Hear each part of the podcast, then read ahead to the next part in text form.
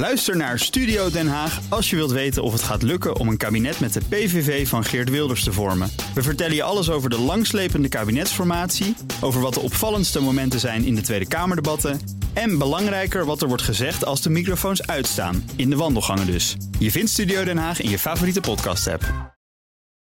Auto-update.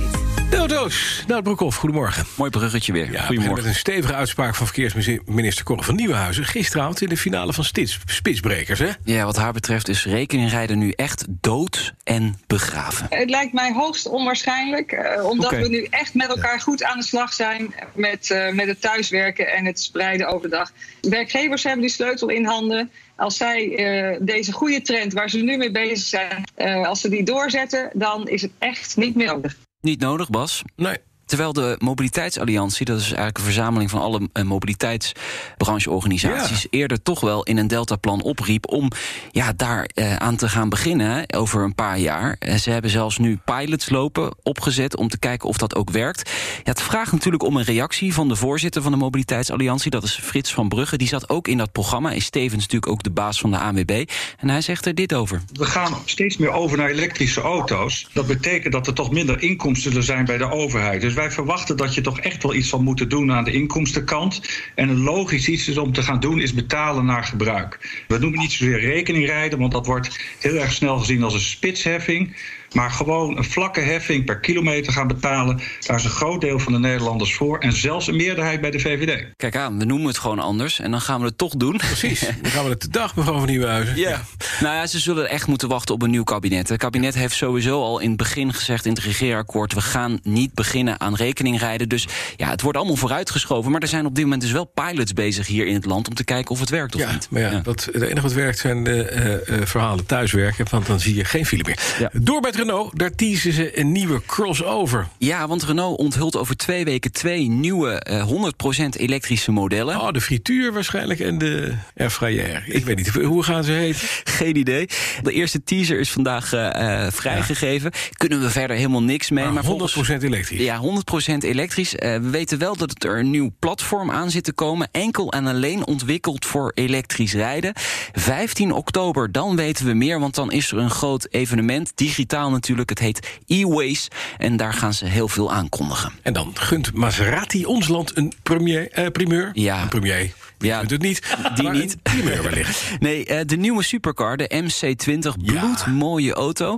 En die staat eh, als eerste dealer in Europa, hier bij Lauman Exclusive in Nederland. Een flitsbezoek, zeggen ze, dus we genieten er nog even extra van. De MC20 dus in Nederland te zien, een paar weken geleden gepresenteerd. 3 liter V6-motor, niks elektrisch, gewoon 630 pk. Heerlijk. Zo, hoort het ook. Ja. Ja, dan hebben we Lamborghini, want die zijn met iets heel erg leuks bezig, hè? Ja, ook iets heel irrelevants, maar toch een speedster. Eh, een supercar zonder dak en zonder voorruit. Dus lekker beestjes happen wat mij Ja, betreft. lekker. Gewoon tussen de tanden. Ja, foto is vrijgegeven, social media, daar staat een tekst bij. Opgelet, snelle open auto.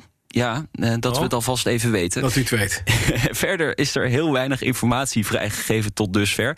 Eh, maar ja, dit mag eigenlijk geen verrassing eh, zijn, want Aston Martin is er mee bezig, zo'n speedster. Ferrari heeft hem, eh, McLaren doet het.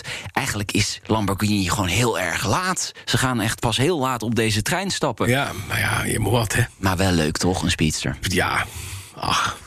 Leuk voor al die, voor die DJ's die dan gewoon eh, hoofdloos in de berm worden aangetroffen. Want Nou ja. dat krijg je met een speedster. Die hebben in ieder geval wel het geld om zo'n ding Ja, te kopen. dat is waar. Het zal wel ontzettend duur worden. Dan nog een Nederlands succesje bij de IndyCar, de Amerikaanse tegenhanger van de Formule 1. En dat heeft alles te maken met de Rinus. Ja, Renus VK, hè, zoals hij daar wordt van genoemd. Kalmthout, ja. ja. want van Kalmthout is toch lastig voor de gemiddelde. Amerikaan om uit te spreken. Nee, pole position heeft hij eh, gepakt. Eh, hij was de snelste op het binnencircuit van Indianapolis Motor Speedway.